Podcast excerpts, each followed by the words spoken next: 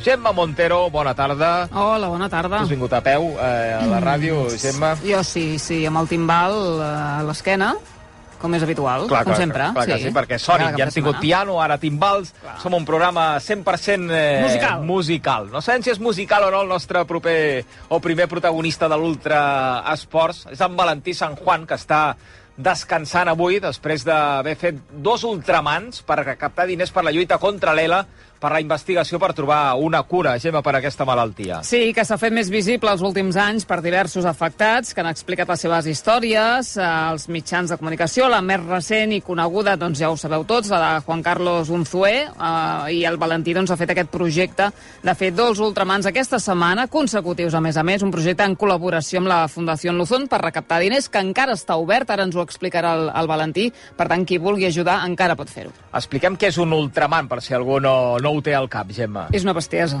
Això per començar, ja d'entrada, no? Però és la prova d'ultraresistència que es fa un cop a l'any a Hawaii per acció de gràcies, és a dir, aquest cap de setmana, avui és l'últim dia eh, de competició, s'acaba avui. És una prova de 515 quilòmetres que es fa en 3 dies i que consisteix en nedar 10 quilòmetres, fer 421 quilòmetres en bicicleta i córrer 84 quilòmetres més, és a dir, dues maratons. I el Valentí ha fet el doble, és a dir, dos ultramans consecutius començant dilluns i acabant ahir dissabte. Caram. Però és que, a més a més, no avui- a Hawaii, eh? sinó no, aquí, aquí, a Catalunya. Aquí, a unes aigües diferents, eh, més, més, a- més a prop. I avui havia de fer la Jamboin, no l'ha fet, no l'ha Ah, fet, però home, tret al cap. home. Eh? L'hem vist aquest, aquest matí a, a Montjuïc, a Barcelona. A veure, només faltaria que avui hagués fet la, la gent buent. Eh, Valentí, hola, bona tarda. Què tal, com esteu? Molt bona tarda. Molt bé, això tu, com, com estàs, eh, Valentí? Malament, malament, malament. O sigui, all- allò que diuen de la duda ofende, doncs la, la duda ofende. No, no, malament, els peus inflats, les ungles rebentades, eh, poques ganes de viure en general, però eh, no, no, la veritat és que millor del que em pensava, perquè jo fins ara només havia fet, eh, un, o, sigui, havíem fet cinc ultramans, però sempre d'un en un. Mm. I, I, clar, l'experiència d'acabar un ultraman, l'ú- l'últim que fas és córrer els 84 quilòmetres, per tant, l'endemà, eh, literalment, no, no pots caminar, et fan molt mal les cames, baixar escales i pujar escales és una mica un drama, i clar, em, em plantejava què passaria el dia que intentéssim fer-ne dos. I al final t'adones que el cos eh, sona atòpic, però és bastant així. Hòstia, s'adapta bastant al que, al que li llencis i un cop ho tens entrenat i preparat, però sobretot també molt mentalitzat, mentre estàs en el repte, mentre tens l'objectiu i mentre tens un, això, un motiu que t'empeny i que, que t'empuja cap endavant, hòstia, aguanta i tira endavant i funciona. Clar, l'objectiu és, eh, vaja, és, és admirable, aquesta recaptació sí, de sí. diners en la lluita contra l'ELA, però això també es podria fer amb un ultraman, eh, no, Valentí? Per què dos ultramans? Per què dos? Hòstia, mira, eh, t'he de dir que eh, quan vaig acabar el primer, justament vaig pensar tal qual el mateix. Tot això ho, ho estàvem emetent en directe a Twitch i va haver un moment que estàvem parlant amb el xat i tal qual, eh, va ser acabar el primer i de cop i volta dic, dic a veure, eh, nois i noies que esteu al xat, si l'objectiu era recaptar, potser amb un, amb un ultraman que hem estat tres dies ja hem explicat el missatge, potser ara el segon ens el podríeu perdonar, eh? I clar, al xat, que no havien de córrer ells, no, no, no, no, no, clar, no, no, clar, no, vinga, no. dos, dos, dos, dos, dos, dos, dos. No, a veure, aquí tenia la, la típica part també de, com que ens agraden aquests reptes i aquestes aventures, eh, ostres, quan t'hi poses i hi han una sèrie de coses que potser ja els has fet o els has aconseguit, doncs sempre et ve el dubte de ostres, eh, si ho preparéssim físicament, si ho preparéssim mentalment, si pre preparéssim l'alimentació, si ens preparéssim tot l'equip, seríem capaços de fer això? Això es podria fer? I, bueno, nosaltres no teníem constància de que s'haguessin fet dos ultramans seguits o que existís alguna cursa que fossin dos ultramans seguits i, bueno, pues al final hi vam donar aquestes voltes i vam dir, vinga, va, endavant i acceptem el repte i al final també és veritat que quan intentes eh, o fer una recaptació, donar visibilitat a alguna cosa o intentar doncs, difondre algun missatge, eh, quan més notori sigui l'objectiu o el repte físic, doncs també és més fàcil a, a l'hora de cridar l'atenció, diguéssim. I ho has fet coincidir amb l'ultraman de veritat, el de Hawaii, aquesta setmana, o ha sigut eh, coincidències de calendari? Mira, si, podria dir no, perquè és la setmana... No, no, eh, casualitat. De fet, quan has dit tu que aquest cap de setmana era el de Hawaii, he dit, hòstia, és veritat, si tinc amics que estan en el de Hawaii aquest cap de setmana, però no, no hi havia caigut. A veure, va coincidir, nosaltres això ens hauria agradat eh, fer-ho al mes de setembre, resulta que al mes de setembre eh, aquest estiu es va cancel·lar, bueno, aplaçar per temes de calor la Quebrantahuesos, llavors mm. nosaltres ja ens hi havíem compromès a anar-hi, i la van moure al setembre a quan nosaltres teníem plantejat fer aquest repte, i llavors les últimes, les úniques setmanes que més o menys quadraven era aquesta o, o la setmana passada, i jo, que ja sabeu que que em diuen jabalí, però, però quan es tracta de coses així em diuen mufalí perquè ho mufo tot, doncs va coincidir que just la setmana que ho hem anat a posar ha sigut la setmana que hi ha hagut canvi de temperatura. Llavors, la setmana passada jo recordo entrenar amb màniga curta, pantaló curt, amb el mallot curt, etc. i aquesta setmana ens ha coincidit que la, el, el canvi d'aquests graus, que a veure, tampoc és, no estem en fred polar ni molt menys, eh, però clar, posar-te a nedar durant 4 hores o 4 hores i mitja eh, amb 5 graus menys o 5 graus més eh, varia bastant i, i, en fi, si ho haguéssim fet la setmana passada potser hauríem patit una miqueta menys, però al final, bueno, ho hem, ho hem, ho hem pogut salvar i ho hem tirat endavant. I a més a més t'has regulat una mica les etapes, eh? És a dir, el, el primer dia nadaves i feies una mica de bicicleta, el segon bicicleta i el tercer les dues maratons, els 84 quilòmetres. Perquè, clar, la bicicleta és el que em portes millor, no? Sí, a veure, al final passa que jo el que porto pitjor és la, la natació. Mm. Um, diguéssim que la gent que li agrada nedar, uh, potser nedar 10 quilòmetres, si, si entrenen bé i són bons nedadors, els hi pot passar gairebé fins i tot com, com un calentament de, de dues hores Home. o així, però ho poden passar molt bé. No, sí, o sigui, la gent que sap... Vull dir, els, els, els bons nedadors, sí, sí, 10 quilòmetres per eh? ells... Eh? Bueno, és veritat, ah. però justament jo, jo sóc l'antítesi. O sigui, diguéssim que en els ultramans hi ha gent que nada molt bé, gent que nada normal, gent que nada regular, i després els que neden malament i després vinc jo. Doncs, eh, el, el, clar, estar 4 hores o 4 hores i mitja nedant, a més a més, en aquest cas era el, en el canal olímpic de, de, de Castelldefels, mm -hmm. què passa? Que és aigua dolça. Llavors, al ser aigua dolça, tens menys flotabilitat que quan nedes al mar. Llavors, tu, per exemple, quan nedes al mar, és veritat que, clar, pots enganxar més corrents o, o mala mar, i això et puteja, evidentment, però sí que al ser aigua salada tens més flotabilitat i això t'ajuda una miqueta. Allà, diguéssim que les avantatges que teníem era que no teníem corrent, que l'aigua l'aigua potser estava un punt menys freda que a mar obert, però que al ser aigua dolça doncs, tenies menys, eh, menys flotabilitat. Llavors, la part de nedar, bueno, més o menys la, la vam salvar, que eren 10 quilòmetres al dia 1 i 10 quilòmetres al dia 4. Després d'això, venien 145 quilòmetres de bici al mateix dia, que aquest és, eh, aquest és potser l'únic tram on no pateixes massa perquè són 5 hores, eh, més o menys, però bueno, és l'única part de tot el que fas que se't fa, o almenys a mi se'm fa més o menys curt, perquè el segon dia el que et trobes són 280 quilòmetres de bici, i encara que la bici, diguéssim, t'agradi, la disfrutis, la tinguis ben entrenada i el que sigui, hòstia, 280 quilòmetres se't fan, se't fan llargs amb cotxe, imagina't amb bici, que són com 11 hores, eh, més o menys, a més, fent sí. una cosa que és, és molt mecànica i tota l'estona el mateix, que és eh, pedalar, pedalar i pedalar, i arriba un moment que, com que anem amb, per intentar anar més ràpid, vas amb una cabra, que és aquesta, diguéssim, la bici de contrarrellotge, sí, sí, sí. acoplat amb els, amb els cuernos i tot això, doncs acabes amb l'esquena pinçadíssima, rebentat, a la que enganxes una mica de vent és un drama perquè dius, uf, ara resulta que anava a 38 per hora i he passat a 30, i clar, això vol dir que potser per fer 40 mm, quilòmetres trigues 15 minuts més i, i per arribar als 280 doncs eh, se't fa bastanta bola aquest dia de 280 quilòmetres i llavors l'últim dia és la part de córrer i la part de córrer normalment se'm dona bastant bé en, en comparació amb la resta mm. però la qüestió és que clar, córrer 84 quilòmetres tens molt impacte i ja vens de, de la matxacada del dia 1 i del dia 2 i clar, quan, quan n'has corregut 20, 30, fins i tot fins a la marató, dius, bueno, va, vinga, va, que ja portem un marató fet, però clar, de cop i volta dius, collons, ens en falta un altre ara.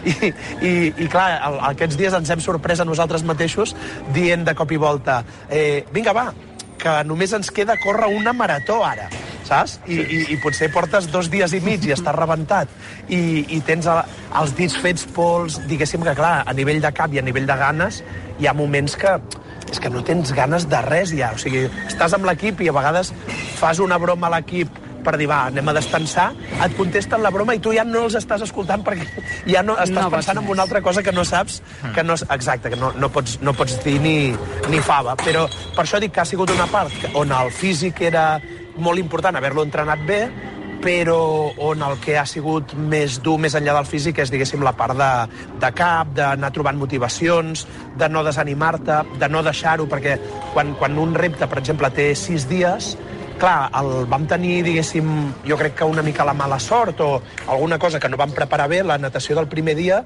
eh, en el quilòmetre 1 estava vomitant, i en el Caram. 2 i en el 3 també, o sigui... I, i clar, quan et fots en el repte i en el quilòmetre 1 d'un repte de 1030 dius, hòstia, que estic vomitant aquí en el, en el, als Sí, 10 sí. minuts. I després els 20 minuts altre cop, i els 30 minuts un altre cop, amb, jo amb l'equip els veia, eh, sobretot hi havia dos nois, el David Acedo i el Domènec, que era la primera vegada que venien amb nosaltres, i els hi veia la cara de preocupació. De dir, i els si, aquest ja patiu, vomita al quilòmetre 1, què farem ara, no? Jo, a, mi, a mi em sembla que devien estar pensant hòstia, i això ho cobrarem sencer? O, o, si, o si marxem cap a casa si Ai, marxem ai. cap a casa al minut, al minut 10 resulta que no ho facturarem, això. No, i jo me'n recordo que els hi feia bromes i els deia, va, tranquils, tranquils, que, hòstia, que ara estic molt fotut, però, però en fi, és només que... Però clar, a mida que anàvem passant els minuts o els quilòmetres i, hòstia, havia vomitat un altre cop i un altre i un altre, jo mateix em vaig començar a preocupar de dir, hòstia, que, que encara no has arribat al quilòmetre 5 de la natació, queden 1.025 quilòmetres de repte i ens estem arrastrant aquí a, a, en, el, en el canal olímpic, no? I, bueno, després, al fi, eh, són curses de, de molt llarg recorregut, són curses de fons i, i és una qüestió de no preocupar-se massa, no donar-li massa importància i dir, bueno, escolta, eh, no pensis en anar 10, 10 quilòmetres, sinó, escolta, cada marca que veig aquí en el canal, què és? Doncs pues mira, el de 250 metres, nada fins als 250. Després què veus? La de 500, va, tio, arriba fins als 500. Després la de 750. I a poc a poc vas veient i arriba un moment, dius, collons, hòstia, ja estic al quilòmetre 5, vinga, va, que només queden 5 més. Mm. I, ho, I ho vas traient, ho vas traient així. Qui t'acompanyava en tot aquest eh, repte, Valentí? Mira, en tot aquest repte eh, hi havia retransmetent per Twitch eh, especialment la, la Mercè, eh, després un dels moderadors que tenim del canal que es diu Pinky, eh, però diguéssim especialment la meva germana que bueno, com, ja coneix molt totes aquestes aventures i al final pot explicar moltes anècdotes d'algunes misèries que hem passat arreu. I després eh, físicament venia el Borja que ens ajudava amb tota la logística, el David Acedo que portava tot el tema per, per gravar, el Miquel Àngel que, que és de, de Matform que ha estat eh, eh, massatgista doncs, doncs, doncs des del Carlos Sainz fins al Marc Márquez, eh, Fórmula 1, Dakar, MotoGP, doncs el Miquel Àngel ens, ens ajudava i ha sigut clau perquè al final amb tants quilòmetres hem estat molts dies de molts dolors o el típic que et quedes molt clavat de l'esquena i mm. ens ha ajudat eh, moltíssim amb aquesta part. En Pela, que porta sis anys amb nosaltres i que ens ajuda amb tota la part també de muntar els TikToks i totes aquestes coses que, que, que fem. I el Domènec, que ens ajudava amb tota la part eh, mecànica. I llavors teníem una ajuda, que era una ajuda no secreta, però diguéssim que, que, que tampoc era visible perquè ens ajudava des de la distància, Sí. que, que és el Juan Carlos, el Juan Home. Carlos Unzué, que cada dia em feia el reporting i m'enviava missatges de Valentí, venga, ánimo, fuerza, eh? Tío, aguanta que ya lo tienes. Yo, hostia, ya lo tienes, Juan Carlos, que, hemos acabado el primer día, ¿eh? No, sí, pero hoy era lo más difícil. Yo, pero ya, Juan Carlos, pero ya sabes que tengo que nadar. Sí, pero esto será dentro de tres días. Ya, no te, ahora no te, no te preocupes con eso, que es, si te preocupas con eso, lo dejas. Vale, vale, vale, venga, ànimo, ànimo, Valentí. Llavors aquest era una mica a l'equip amb el que hem anat treballant tots aquests dies. Doncs espera, espera, que falta un últim missatge de Juan Carlos. Escolta. Hola Valentín, enhorabuena por ese doble Ultraman que has eh, conseguido. Eh, agradecerte desde nuestra causa y en mi persona eh, que te hayas acordado de nosotros, que lo hayas hecho por nosotros y te estaremos eternamente agradecidos. Ah, espero que haya sido duro, que haya sido capaz de disfrutar dentro de ese sufrimiento y sobre todo que tengas ahora la sensación de haber hecho algo descomunal. Muchísimas gracias, un abrazo. Paraules de Juan Carlos Unzué en aquest projecte en col·laboració amb la Fundació Luzon per buscar fons eh, per la investigació, per, per lluitar contra aquesta, aquesta malaltia tan, eh, tan puta que és, eh, que és l'ELA. Com ha anat el, l'objectiu d'aquests dos ultramans a, a nivell de, de recaptació, Valentí? Doncs mira, de moment estem bastant lluny del que ens agradaria arribar.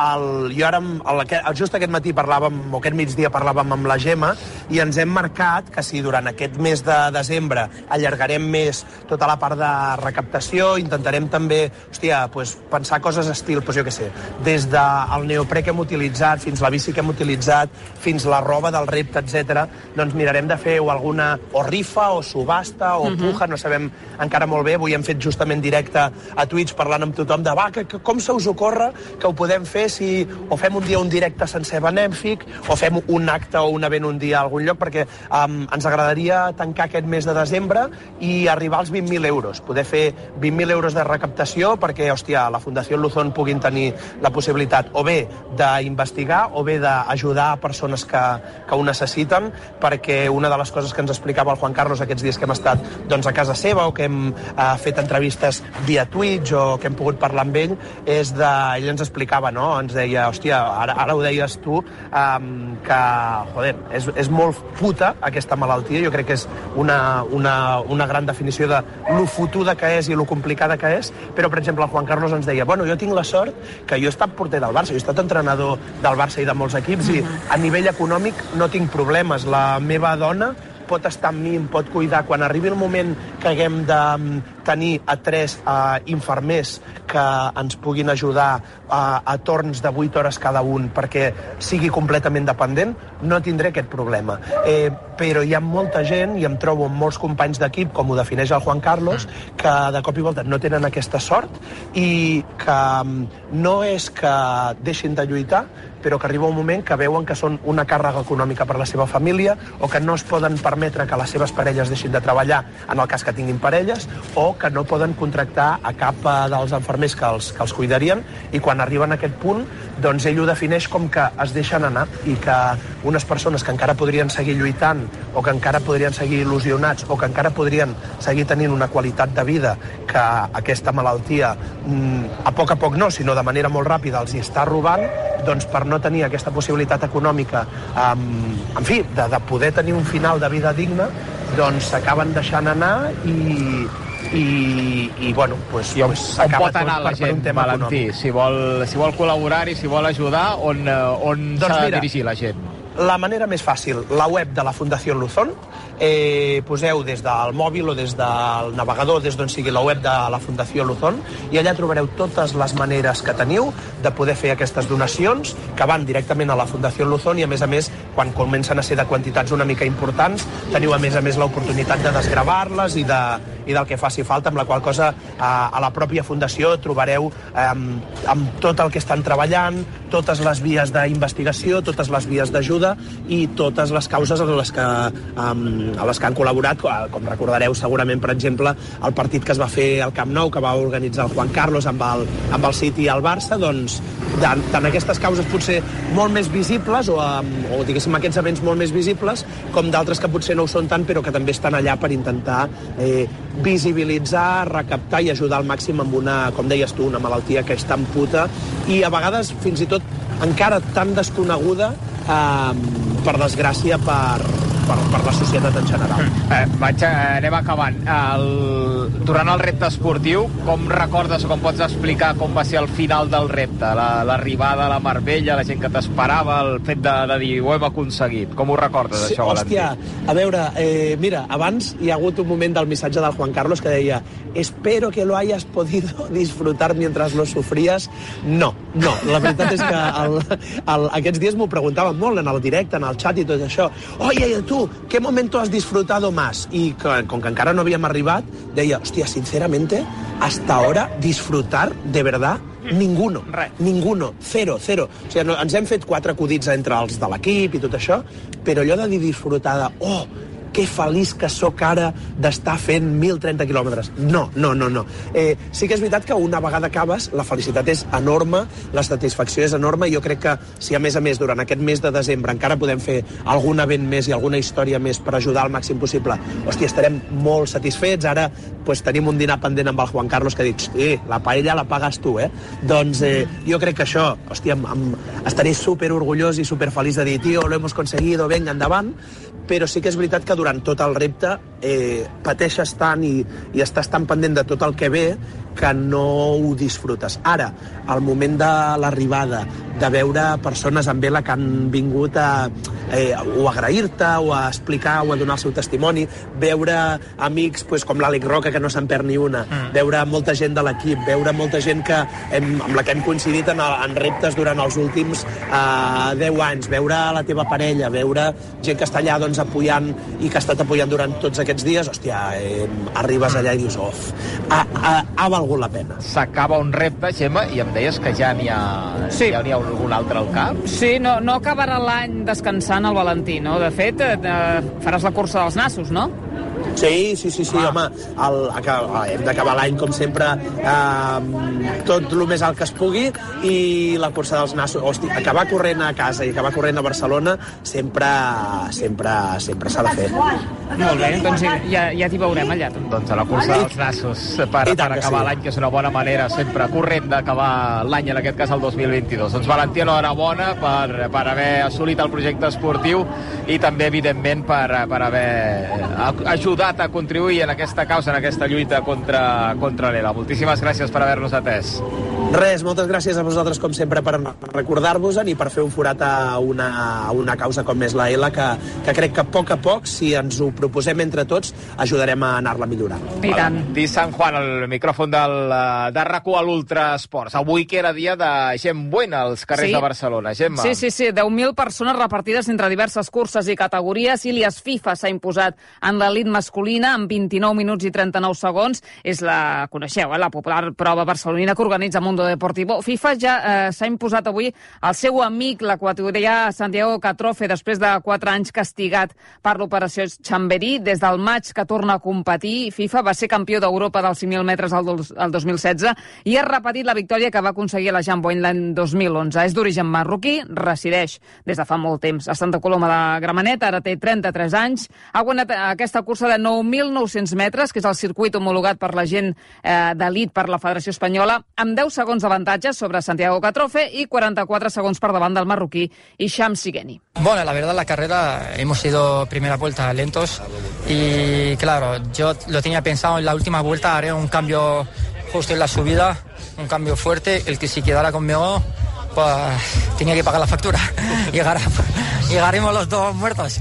Doncs ha arribat eh, FIFA més viu que Catrofe, l'uruguaià, que li ha canviat la nacionalitat. Eh, són amics, eh, perquè coincideixen a la majoria de curses, entrenen moltes vegades, i avui ha sigut FIFA qui, qui s'ha tret una espina, se l'està traient des del mes de maig, perquè quatre anys sense competir per un atleta és molt temps, i sobretot eh, quan mai no eh, s'ha dopat, perquè no l'han sancionat per dopatge, sinó per involucrat en la trama mm, de, de, de certa gent, el seu germà sí que estava més, eh, més implicat, de eh, tràfic de substàncies i materials per, eh, pel dopatge, amb eh, viatges al Marroc, amb una farmàcia d'Andorra, però ell eh, continua defensant i està en mans d'advocats, està obert el cas encara per defensar la seva innocència. Dani Mateo ha estat desè, eh, avui a la Jean Boyne, recordem, 21è a la Marató dels Jocs Olímpics de Tòquio. Meritxell Soler s'ha imposat a les dones amb 22 minuts 58 segons, l'any passat va ser segona, avui ho ha estat l'equatoriana Caterin Tissalema, 23 segons més lenta que Soler, el eh, recorregut en aquest cas per les dones de 6.600 metres. La de Manresa ha fet la cursa que s'havia imaginat. He començat a marcar ritme ja des del principi com a mi m'agrada um, bueno, al final he començat ja una mica rapideta i aviam qui m'aguantava i, i bueno, jo és la meva tàctica sempre no? anar al meu ritme i m'ha funcionat, l'any passat vaig quedar segona a l'esprint final i bueno, tenia aquella espineta clavada i aquest any me l'he pogut treure Doncs el següent repte, atenció, de, de Soler és la mínima per anar al Mundial a la Marató de Sevilla. Eh? A Sevilla es farà eh, al febrer. És el gran objectiu, ja ens ho ha dit, que era molt ambiciosa de cara al 2023. Any preolímpic, atenció, amb Meritxell Soler. La salmantina Gemma Martín ha ocupat el tercer lloc del podi amb un temps de 23 minuts eh, 32 segons. Una altra de les favorites, l'Ester Guerrero, veiem que s'està recuperant. Era la tercera cursa que feia després de la lesió. Ha estat cinquena amb 23 minuts i 55 segons. Pel que fa a les curses Open, eh, les curses populars. Eh, L'australià Marcel Walkington, que és campió, atenció, eh, campió d'Oceania de triatló, Caram. no ve qualsevol a Barcelona, eh? aquí tenim el millor del millor, s'ha imposat els 5 quilòmetres amb un crono de 14 minuts i 11 segons, nou rècord de la prova per en Walkington i en categoria femenina, victòria de la samboiana Laura Heredia, campiona d'Europa de pentatló, amb 17 minuts i 8 segons. Ell sí que deu saber on és Canberra, el, eh, aquest, aquest australià, el Marcel Walkington, que avui ha guanyat aquesta prova de, de la gent eh, Boeing. I als 10 quilòmetres, eh, un andalús de Jaén, Alberto Casas, atleta de l'Unicaja, s'ha imposat després de consultar la foto d'arribada amb un crono de 30 minuts 27 segons. Eh, Bernat Kuhn, eh, corredor d'Albacete, ha sigut eh, segon i a la categoria femenina recital avui d'una catalana, eh, de la barcelonina Cristina Silva, que enguany, eh, perquè no hi ha més curses, que si no també els guanyaria, ha guanyat la Mercè, ha guanyat la Beòvia, ara la Jean Boyn, que ha guanyat amb 34 minuts i 33 segons. Un que l'ha fet molts anys, la gent Boeing, no aquesta temporada, i que tanca el programa, com sempre, o l'Ultrasports en aquest cas, amb Glenn Miller, Miquel Pucurull.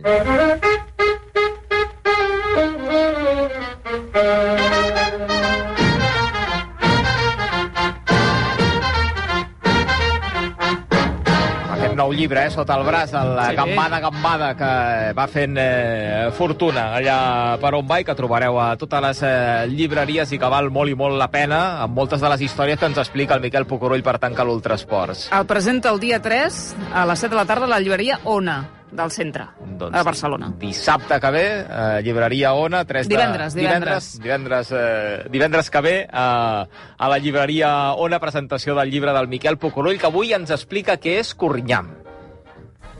Amics i amigues, fa uns dies vaig buscar un sinònim de la paraula córrer per utilitzar-lo a fi efecte de no donar la llauna amb repeticions en els meus escrits o piolades al Twitter.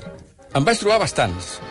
Circular, discórrer, fluir, transcórrer, apressar, activar, accelerar, empènyer, instar... N'hi ha un munt. Fins i tot composicions com fer via o anar per feina. La que més em va agradar va ser la paraula corrinyar, que figura al diccionari de l'Institut d'Estudis Catalans, com que internet està tot, he buscat el mot i he trobat que un escriptor reconegut com a Murakami, corredor de fons com és sabut, utilitza el verb. En la traducció al català que hi ha de la seva novel·la Kafka a la platja, per exemple, hi ha una frase on diu en Osino, que coneixia el barri, es va posar a caminar a grans gambades i en Nakata va haver de seguir-lo mig corrinyant. També he trobat que la fan servir molt a Tortosa, a les terres del Baix Ebre. A mi em va de conya. Segons l'esmentat Institut d'Estudis Catalans, corrinyar significa córrer sense posar-hi una gran pressa, que ni pintat. És el que faig des de fa temps. Fins al cap de setmana que ve, correu o corrinyeu molt.